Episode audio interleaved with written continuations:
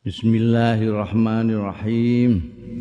Qala al-muallif rahimahullah wa nafa'ana bihi wa bi ulumihi fid dharain amin. Ya nafsu la taqnati min zallatin azumat Innal kaba'ira fil ghufrani kalamami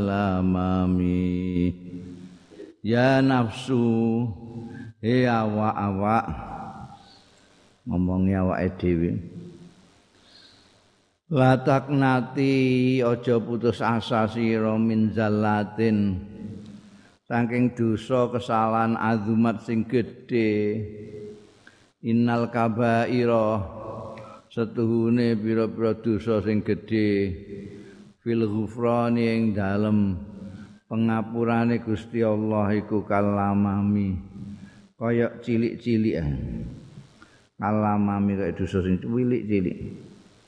Ini menghibur diri menghibur diri. Kelingan saya kelingan dosane wedi. Terus rojak meneh khauf meneh rojak meneh ini iki termasuk rojak mengharap-harap. Mesti kuatir ora usah putus asa pengapurane Gusti Allah iku wah luar biasa. Gedene kok dosamu nyuplik kecil. La alla rahmata rabbi khina ya kasimuha ta'ti ala hasabil isyani fil kisami. Iki wapi iki? Nudono nek Imam Busri itu di samping cerdik orang ini baik iki la Allah rahmata rabbi. Dungane itu la'alla rahmata rabbi muga-muga welas asih pangeran ingsun. Khinayak simuha nalikane mbagi. Ya rabbi ha ing rahmah. Takti teko ya rahmah ala hasabil isyan. Tekane ngatasé seukur duraka-durakane maksiat-maksiat fil kisaming dalam pembagiane. Iki ra apik ya.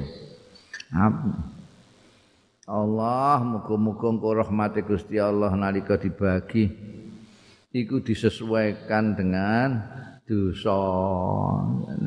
Nek dosane akeh kaya aku ngene ya untuk rahmat akeh.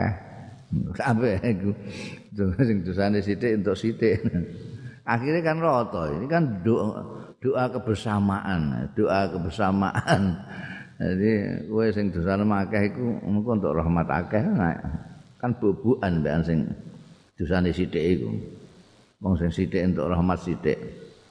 Sing gedhe untuk akeh padha karo sepadan mbek isyane. Kowe dosamu sepira ae untuk rahmat yang sepadan ya bubukan ngono ae.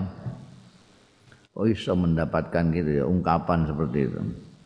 Allah rahmata rabbi hina yaksimuha ta'ti ala hasabil isyani fil kisam di atas ini adalah ungkapannya wanita suci dari Basrah Rabi'ah Hadawiyah beliau mengatakan ya mutu kalau saya nanti mati Faj'al ya Rabbi jasadi minta supaya jasadnya dibikin sebesar mungkin. Gusti nanti kalau saya sudah disampai sana jadikanlah jasadku sebesar-besarnya sehingga memenuhi ruang neraka. Lalu masukkanlah aku dalam neraka. Sehingga tidak ada seorang pun yang bisa lagi dimasukkan dalam neraka. Karena sekebak aku. Bukan luar biasa. Manusianya ya. Karena Rabi'ah itu menyintai Allah jadi tidak peduli. Neraka lah yang sing mlebokno Gusti Allah ora peduli. Tapi ingat dulu-dulu sesama manusia ini biar tidak di neraka dia yang berkorban membesarkan itu. Karpe Ya Rabbi waja'al rajai ghaira akisin ladaika waja'al khisabi ghaira kharimi Ya Rabbi duh Gusti waj'al mugi ndadosaken panjenengan rojai ing harapan kula.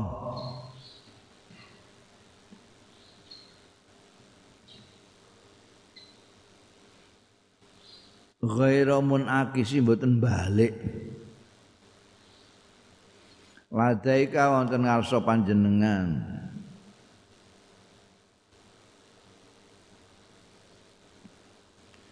Waj'al khisabi lan mugi ndadosaken panjenengan.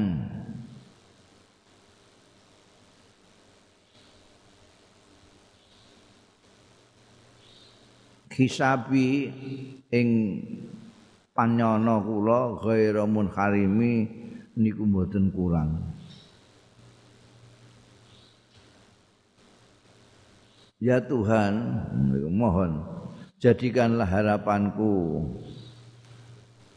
dugaanku husnuzonku kepadamu tidak baik tidak kurang tidak lebih. Saya menduga nanti rahmat itu disesuaikan dengan kesalahan orang. Nah, saya orang yang salah jadi salahnya banyak jadi dapat rahmat banyak harapan saya ini mudah-mudahan memang begitu saya mempunyai harapan bahwa dosa-dosa saya dianggap kecil karena pengampunan Tuhan yang besar. Mudah-mudahan tidak kurang ya seperti itu. Hmm.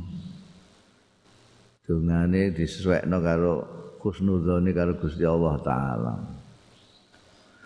Wal tufi abdika fid daraini inna lahu sabran mata tad'ul ahwalu ya nasimi.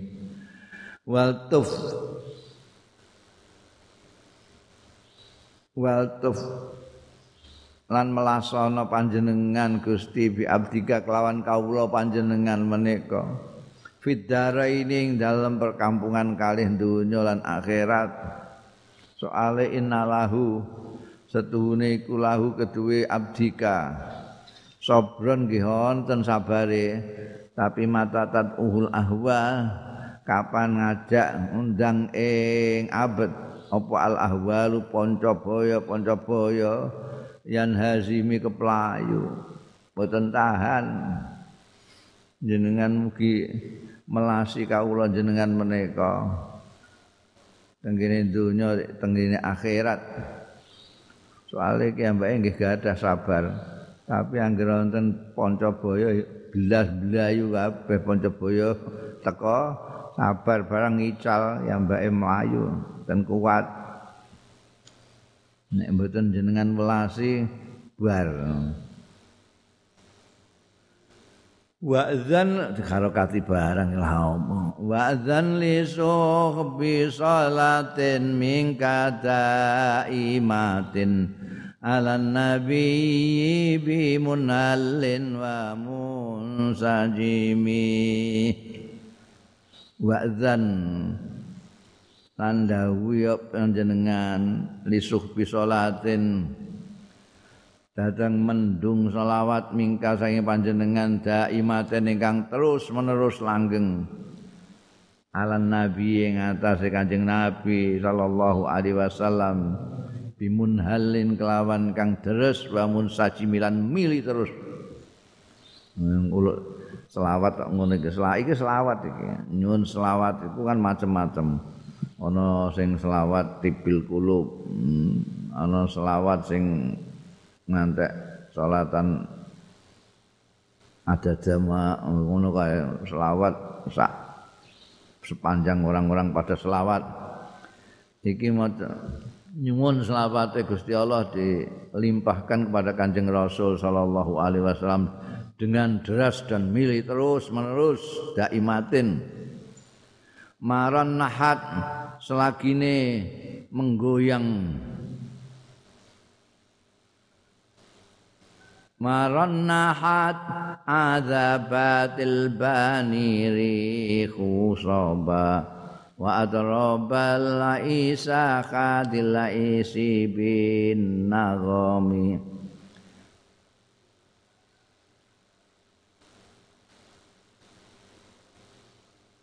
jadi ronahat itu azabatul bani oke azabatu. Nek azabatu iku ndekne jadi fa'ile ronahat lah terus rih dadi apa? Niku sing bener azabat ora azabatu. Jadi azabatil ban. Selagine menggoyang azabatil bani ing. Ing ora apa. Ing. Pang-pange wit ban nama satu pohon jenenge alban. Apa sing goyang? Rihus soba. Angin timur.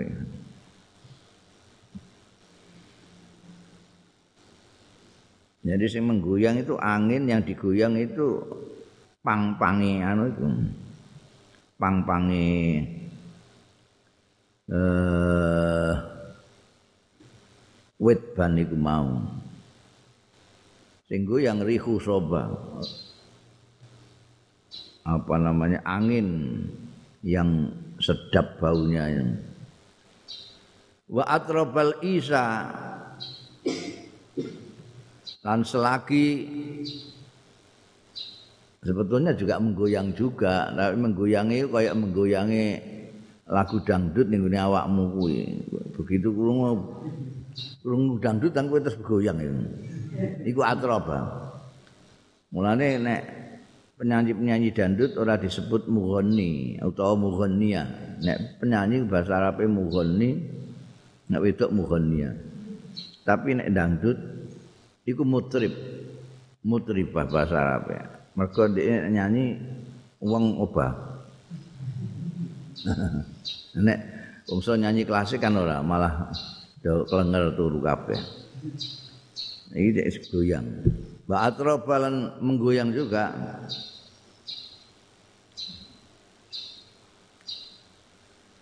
Al Isa ing unta Sapa sing menggoyang? Hadil Is penuntun unta bin Nagomi kelawan irama. Ini ngarap iku kowe nek numpak unta nyewa unta iku dituntun karo sing duwe. Iku jenenge hadil is. Kowe numpak dhewe ora ngerti dalan kowe. Iso kesasar-sasar liwat padang pasir kaya ngono kae. Jadi kudu enek hadil is. Karena unta itu transportasi jarak jauh maka supaya tidak capek supaya tidak bosen untane sing nuntun niku rengeng-rengeng. Ya lili ya lili ya lili. Nah, no, ya lili ya lili itu kan mawawil itu mulanya dari hadil is ini. Ya lili itu kan malam maknanya ya lili. Oh malam malam. Iki terus sikile unta melok menari ya, mendengar hadil is nembang itu. itu apa? Untane melok menari mengikuti iramane khatil is itu.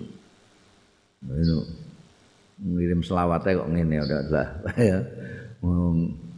Nyair itu Muga selawat Gusti Allah melimpah kepada Kanjeng Rasul sallallahu alaihi wasallam selalu dengan deras milir gumanti selama angin masih meniupkan masih menggoyang-goyangkan ranting-ranting pohon ban.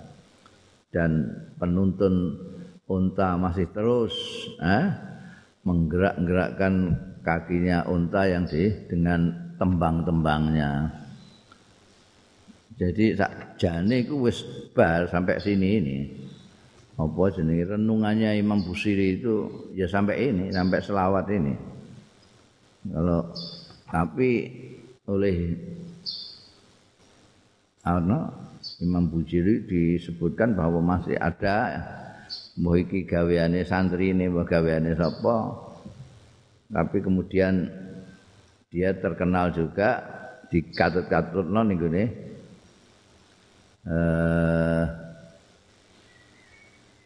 Burdai Imam Busiri mungkin mungkin ya golek anu lah golek barokah bil barokah nek Imam Busiri ditambahi.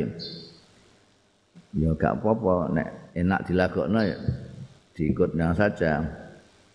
Sumar ridha an Abi Bakrin. Ya, ya. Biasanya wong selawat itu wa ala wa ashabi berarti lah. Iki kok Imam Busiri kok mau sampai Kanjeng Nabi tok itu terus ditambahi. Sumar ridha an Abi Bakrin wa an Umar. Jadi an Umar aja mbok Umarin kuwi to. Sing ngarokati iki gak tau ngaji nahwu. Mbok rasakno ya ketok nek ora saka Imam Busiri ya. Tumarida an Abi Bakrin wa an Umar wa an Aliin wa an Utsman dzil karami beda. Yes ben wong maknane apik ae.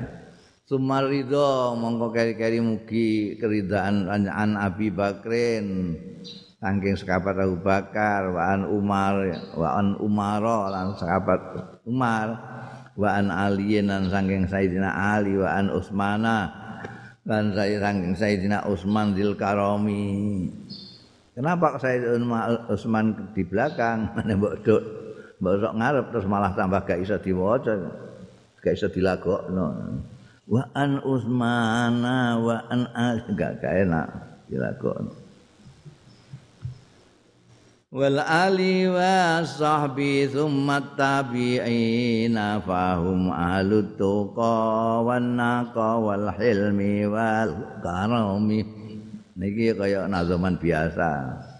Ora puisi. Wal ali lan keluarga keluargane Kanjeng Rasul. Wa sahbilan sahabat kabeh.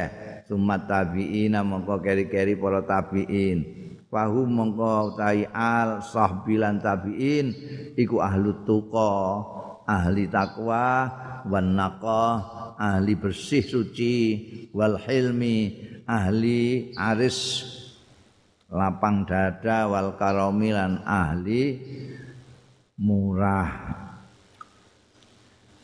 Ya Rabbi bil Mustafa balligh maqasidana wa ighfir lana ma madha ya wasi'al karami. Iki ternyata ya ora masuk anu, anu anggitane Imam Busiri ya ya Rabbi bil Mustafa. Tapi kita selalu mengatakan ini ya dari Burda. Mbok Rasakno jane ya Rabbi bil Mustafa balligh maqasidana sehena ini. Waghfir lana ma madha iki rada dipaksakan. Ya wasi'al karami. Tapi artinya apa? Ya Rabbi, duh pangeran kula bil Mustafa. Kanti Nabi Muhammad sallallahu alaihi wasallam ingkang pinilih baligh mugi nyampe akan panjenengan makosidana ing maksud-maksud kita. Waghfir lana lan mugi ngapunten panjenengan lana teng kita. Maing barang madha ingkang sampun kliwat ma ya wasi al karomi duh zat ingkang jembar kemurahane Waghfir ilahi likullil muslimina bihama yatluna fil masjidil aqsa wa fil harami. Waghfir lan mugi ngapunten panjenengan ilahi likulil muslimin. Dateng sedaya tiyang muslim. Bima sebab barang yatluna kang sami maos kulil muslimin fil masjidil aqsa teng masjidil aqsa wa fil harami lan tengene masjidil haram. Ini kurang gak ana ning aula leteh ngono itu. Ya kowe gak durung ning gone Masjidil Haram ya ora Masjidil Aqsa ya ora. Maca kapan? Nah aku harus tahu dadi aku katut ning donga iki aku Ijaiman baitu fiti batin haram wasmu. Iku gak enak nek wasmu. Qasamun min a'zamil qasami. Bijahiman lawan martabate kanthi martabate priagung baitu kang daleme man fitibate ana ing taibah taibah itu nama lain dari Madinah waktu karo Yathrib barang iku. Itibatin haramin ini haramun iku lah wasmuhu kan asmane. Kang asmane man iku kismun sini bagian min a'zam min a'zamil qasami saking luweh gede-gedene eh kosam sing dienggo kosam ku apa asma agunge Gusti Allah. Asma agung Gusti Allah maksude iki karepe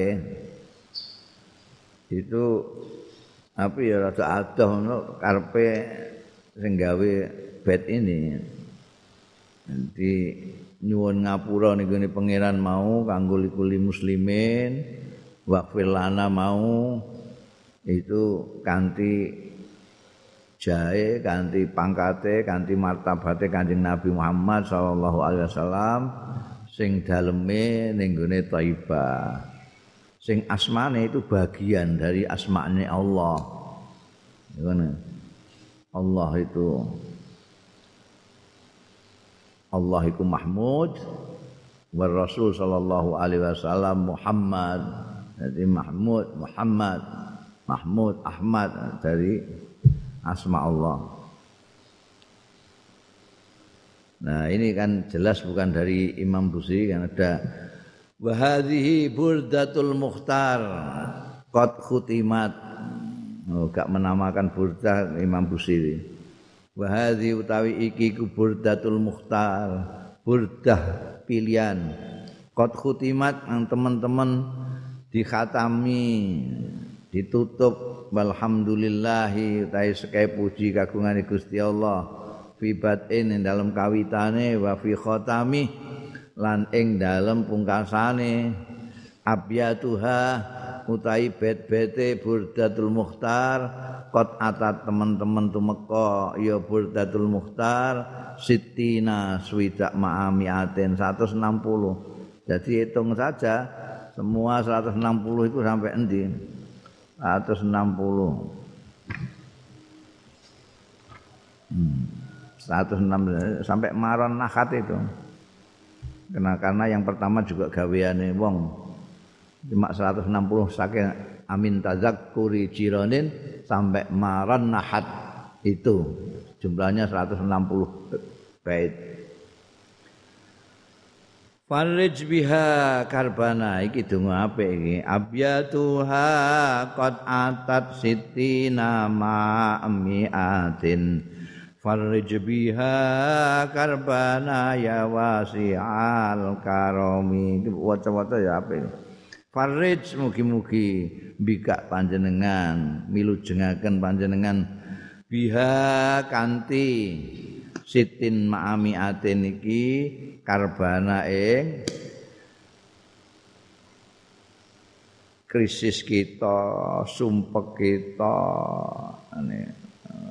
Ini nek iso iki diwaca iku ya Siti nama amiatin ini mulai amin tazakuri untuk menghilangkan karp ini wabah ini. Ya wasi al karomi dohzat kang jembar karome iki kan pengulangan.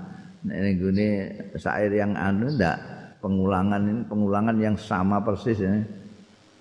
Biasanya dihindari. Ini kan Ya Rabbi bil Mustafa balligh maqasidana Waghfir lana ma madha ya wasi'al karami. Mau wis dinggo ning kono.